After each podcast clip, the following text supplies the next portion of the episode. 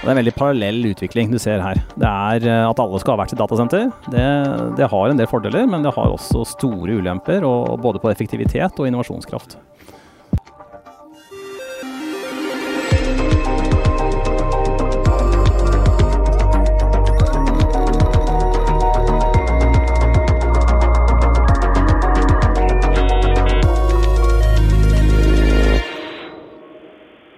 Du hører på Dobbeltklikk, en podkast fra digi.no. Mitt navn er Jan Moberg, og jeg er i studio med Odd-Rikard Valmot. Hei, Jan. Hei, Odd-Rikard. Du, nå må du forklare meg en ting. Ehm, etter um, noen tiår med mobiltelefon og, Ja. og den type greier, så er det fortsatt snakk om kjernenett. Ja, det Og da det var kobbernett, så skjønner vi jo det var en viss eh, kjerne der. Men hva består mobiltelefonens kjernenett av? Ja, altså Folk tror at mobiltelefon er noen antenner som henger på husvegger, ikke sant? Ja, og det er jo litt det. Det er litt radiodelen. Og så er det noen ledninger tilbake, fibre, da. Ja, Tilbake til et eller annet sted hvor kjernenett er. Og det er jo det som er egentlig det er der det skjer. Det er der det skjer. Akkurat som de gamle telefonsentralene ikke sant, som sto der og tikka. Mye releer som det var den Der var mye reler der. Ja. Men uh, nå er det jo da et uh, norsk initiativ på gang. ehm, som er ganske spennende. Hvor Veldig. man skal, eh, veldig. hvor man skal liksom eh, Hva skal jeg si for noe? Å gjenskape kjernenettet som en, mye mer som en tjeneste enn det som har vært hittil. Ja, altså jeg får sånn følelse at nå ah, Endelig fikk vi eh, Fikk vi jo noe. Eriksson, Ja, det finnene og svenskene snakka om alt, ikke sant? Og vi som i gåseøynene oppfant mob digital mobiltelefoni, Ja, ja. vi fikk ingenting. Nå skjer det nå. Det er en egen Det er podkast. gøy, altså. Men uh, vi har uh, Vi er heldige, for vi har fått med oss uh, han som leder dette selskapet, som heter Working Group 2.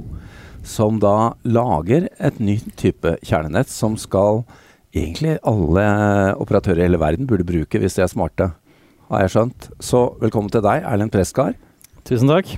Eh, har vi forstått det riktig? Ja, jeg syns det.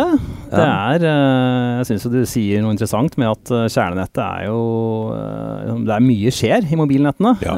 Aksessnettet er jo selvfølgelig forferdelig viktig, og antenne, Ja, ja, ja. og det er mye av pengene ligger. Men Og ikke minst for at telefonen min skal virke når jeg er der ute. ja, uten kjernenettet så skjer det ikke mye Ja. der. Eh, så Jeg det, kan være synlig i kjernenettet, men hvis jeg ikke er kobla på, så hjelper det ikke.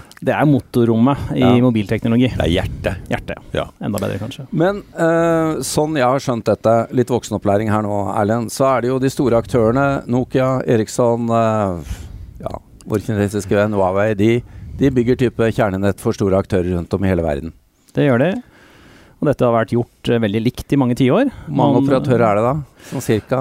La oss si en 1500 operatører rundt omkring i verden. Ja.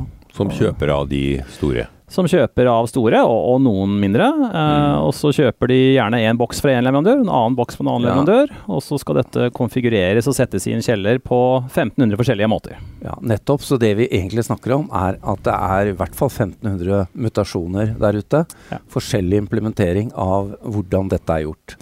Og det skaper jo en vanvittig kompleksitet. Eh, og det skaper jo også mangel på skala eh, i forhold til kall det moderne, globale teknologiplattformer. Du, dette, er jo, dette har jo skjedd før. ikke sant? Det datarommet var jo fullt av ulikt utstyr til forskjellige folk, og så har det gradvis bevega seg mot sky og forenkling.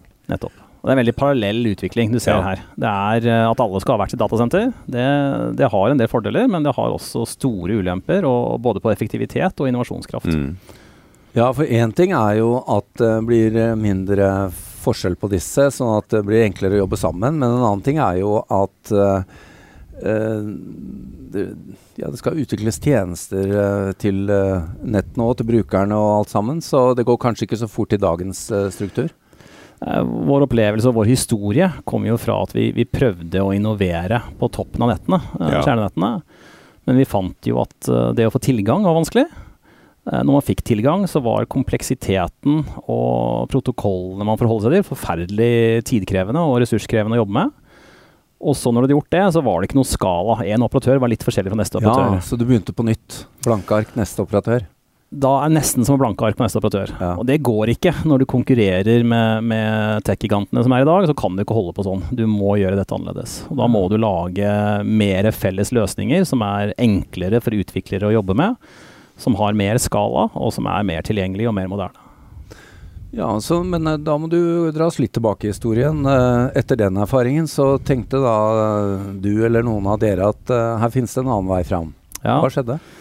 Altså dette Teamet som jobbet med dette initielt, var jo i Telenor. Og, og Werner bl.a., som, er min, som er en av medgründerne her.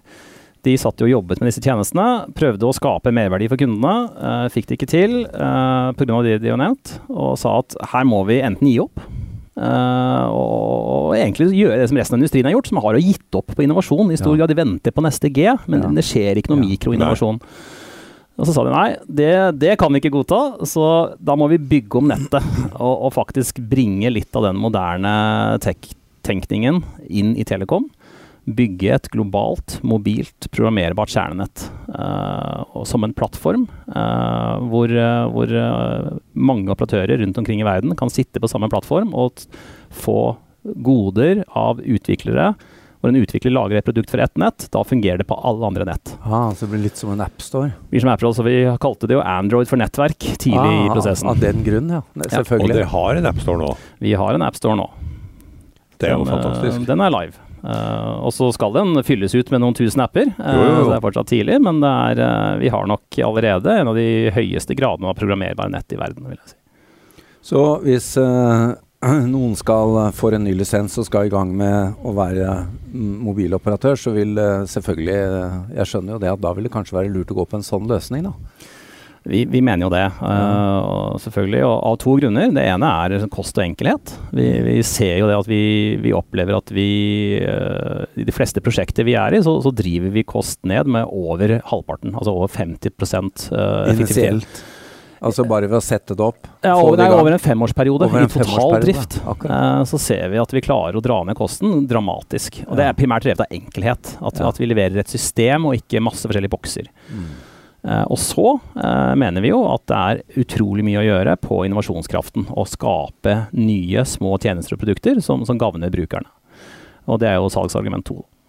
Ja, så ikke bare blir det rimeligere å implementere og drifte, men også får du øh, hyppigere og mer øh, funksjonalitet. Ja, og både fra oss som utvikler kjernenettet, ja, og ta det til neste G, og gjøre det kanskje tidligere og raskere og bedre enn andre kan gjøre, men også da alle utviklere i verden kan selge til alle operatører i verden på denne plattformen. Så at du får en konstant strøm da, av innovasjonskraft. Via deres eh, Via appstore. Ja, via AppStore. Har dere samme modell da, med 30 eh, Ja, Til ikke, utviklere, ikke, ikke fullt så høyt tall, men Nei, eh, ellers lignende logikk, ja. Ja, ja, Ja. ja.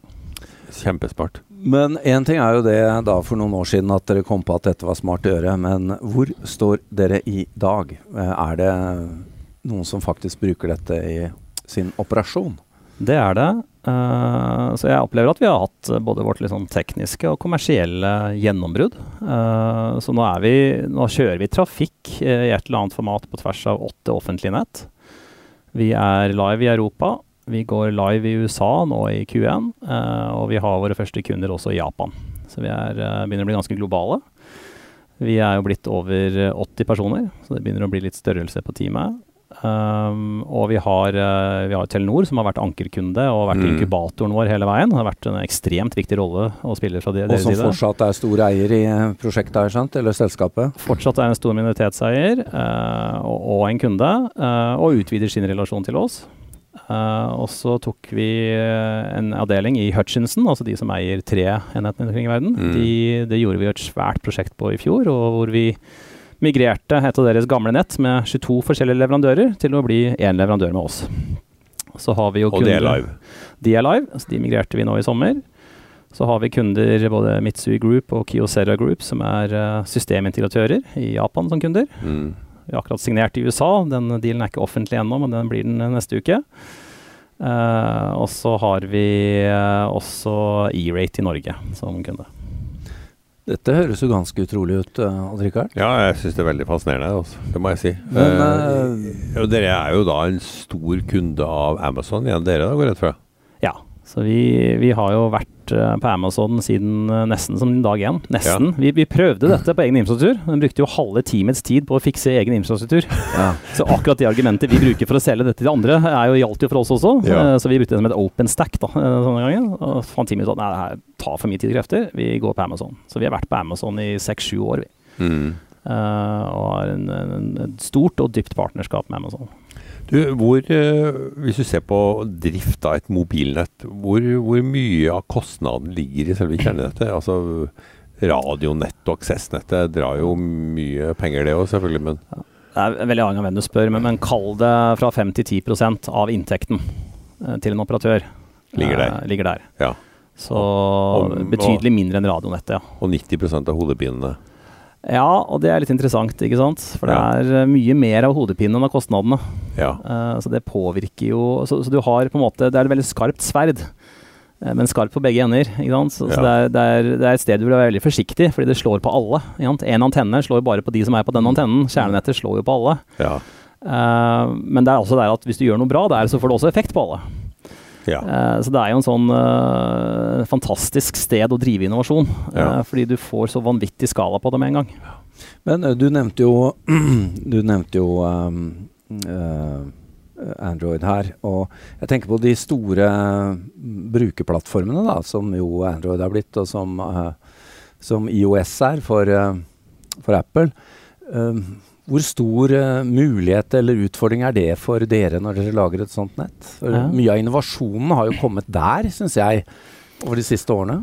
Ja, og det tror jeg er uh, av to grunner. Uh, det ene er jo at det er sensorer og, og, teknologi i håndsettene som ikke er i nettene, og, og, de bygger på det. Ja. Og, og, den vil jo stå seg. Den andre grunnen, eller en del av innovasjonen, så kall det et subset, da, kall det jeg vet ikke, 5 ja. av de appene, eller 1 for den saks skyld. Den tror jeg også er for å kompensere for at det ikke har vært mulig å gjøre noe i nettene.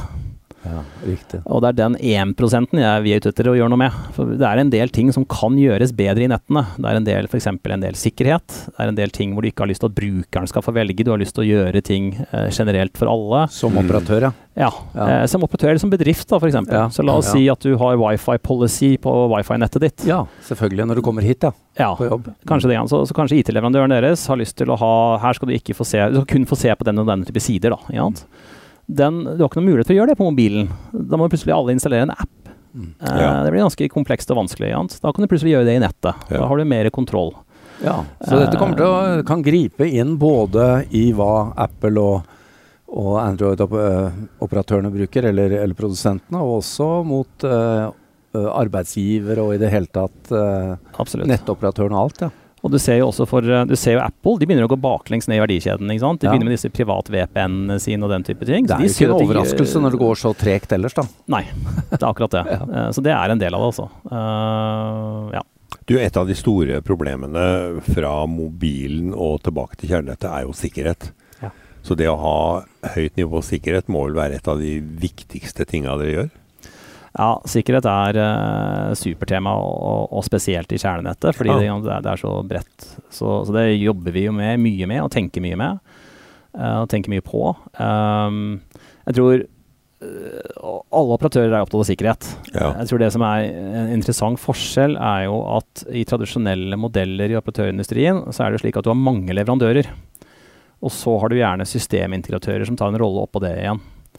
Så det å drive proaktivt moderne sikkerhetsarbeid er ganske krevende i de miljøene. Mm. Fordi du har kanskje la oss si da, ti leverandører eh, med ti forskjellige bokser og nettverksfunksjoner. Og så har du kanskje en tredjepart som skal orkestrere det. Så det å drive moderne sikkerhetsarbeid, det er krevende, altså. Ja, det vil jeg tro. Der har jo vi skillekodekontroll og kjører på en konsistent infrastruktur på tvers. Så der typisk industrien ofte er i hvert fall delvis tvunget til å bruke veldig mye tid på, på, prosesser og prosedyrer og policies, så gjør vi Vi har selvfølgelig det, men vi gjør også veldig aktivt sikkerhetsarbeid. Og har jo en mye større grad av ende-til-ende-kontroll, eh, som gjør at vi kan gjøre mye bra. Mm. Og så står vi på skuldrene til gigantene. Så eh, det er jo ingen operatør i verden som kan matche eh, Amazon sin sikkerhetsavdeling. Nei. for å si det slik. Så, så vi lener jo også oss delvis på deres sikkerhetsarbeid. Mm. Dette vil jo være musikk eh, for de store finansielle aktørene. som er Det Det er mange som er frustrert over folks bruk av mobiltelefon nå. Det er store utfordringer ja. for sikkerhet. Det er det. Uh, det er, uh, men, men det, er, det er et komplekst tema med sikkerhet. Men både sikkerhet liksom for operatørene og også ut mot sluttkunder og bedrifter, mm. så, så, mener vi at det er mye mer å gjøre enn det, det som gjøres i dag. Altså. Mm. Erlend, vi går mot slutten av vår tid her i podkasten. Men hva ser du nå for deg de neste par årene? Hva er, hva er, hva er timeplanen deres?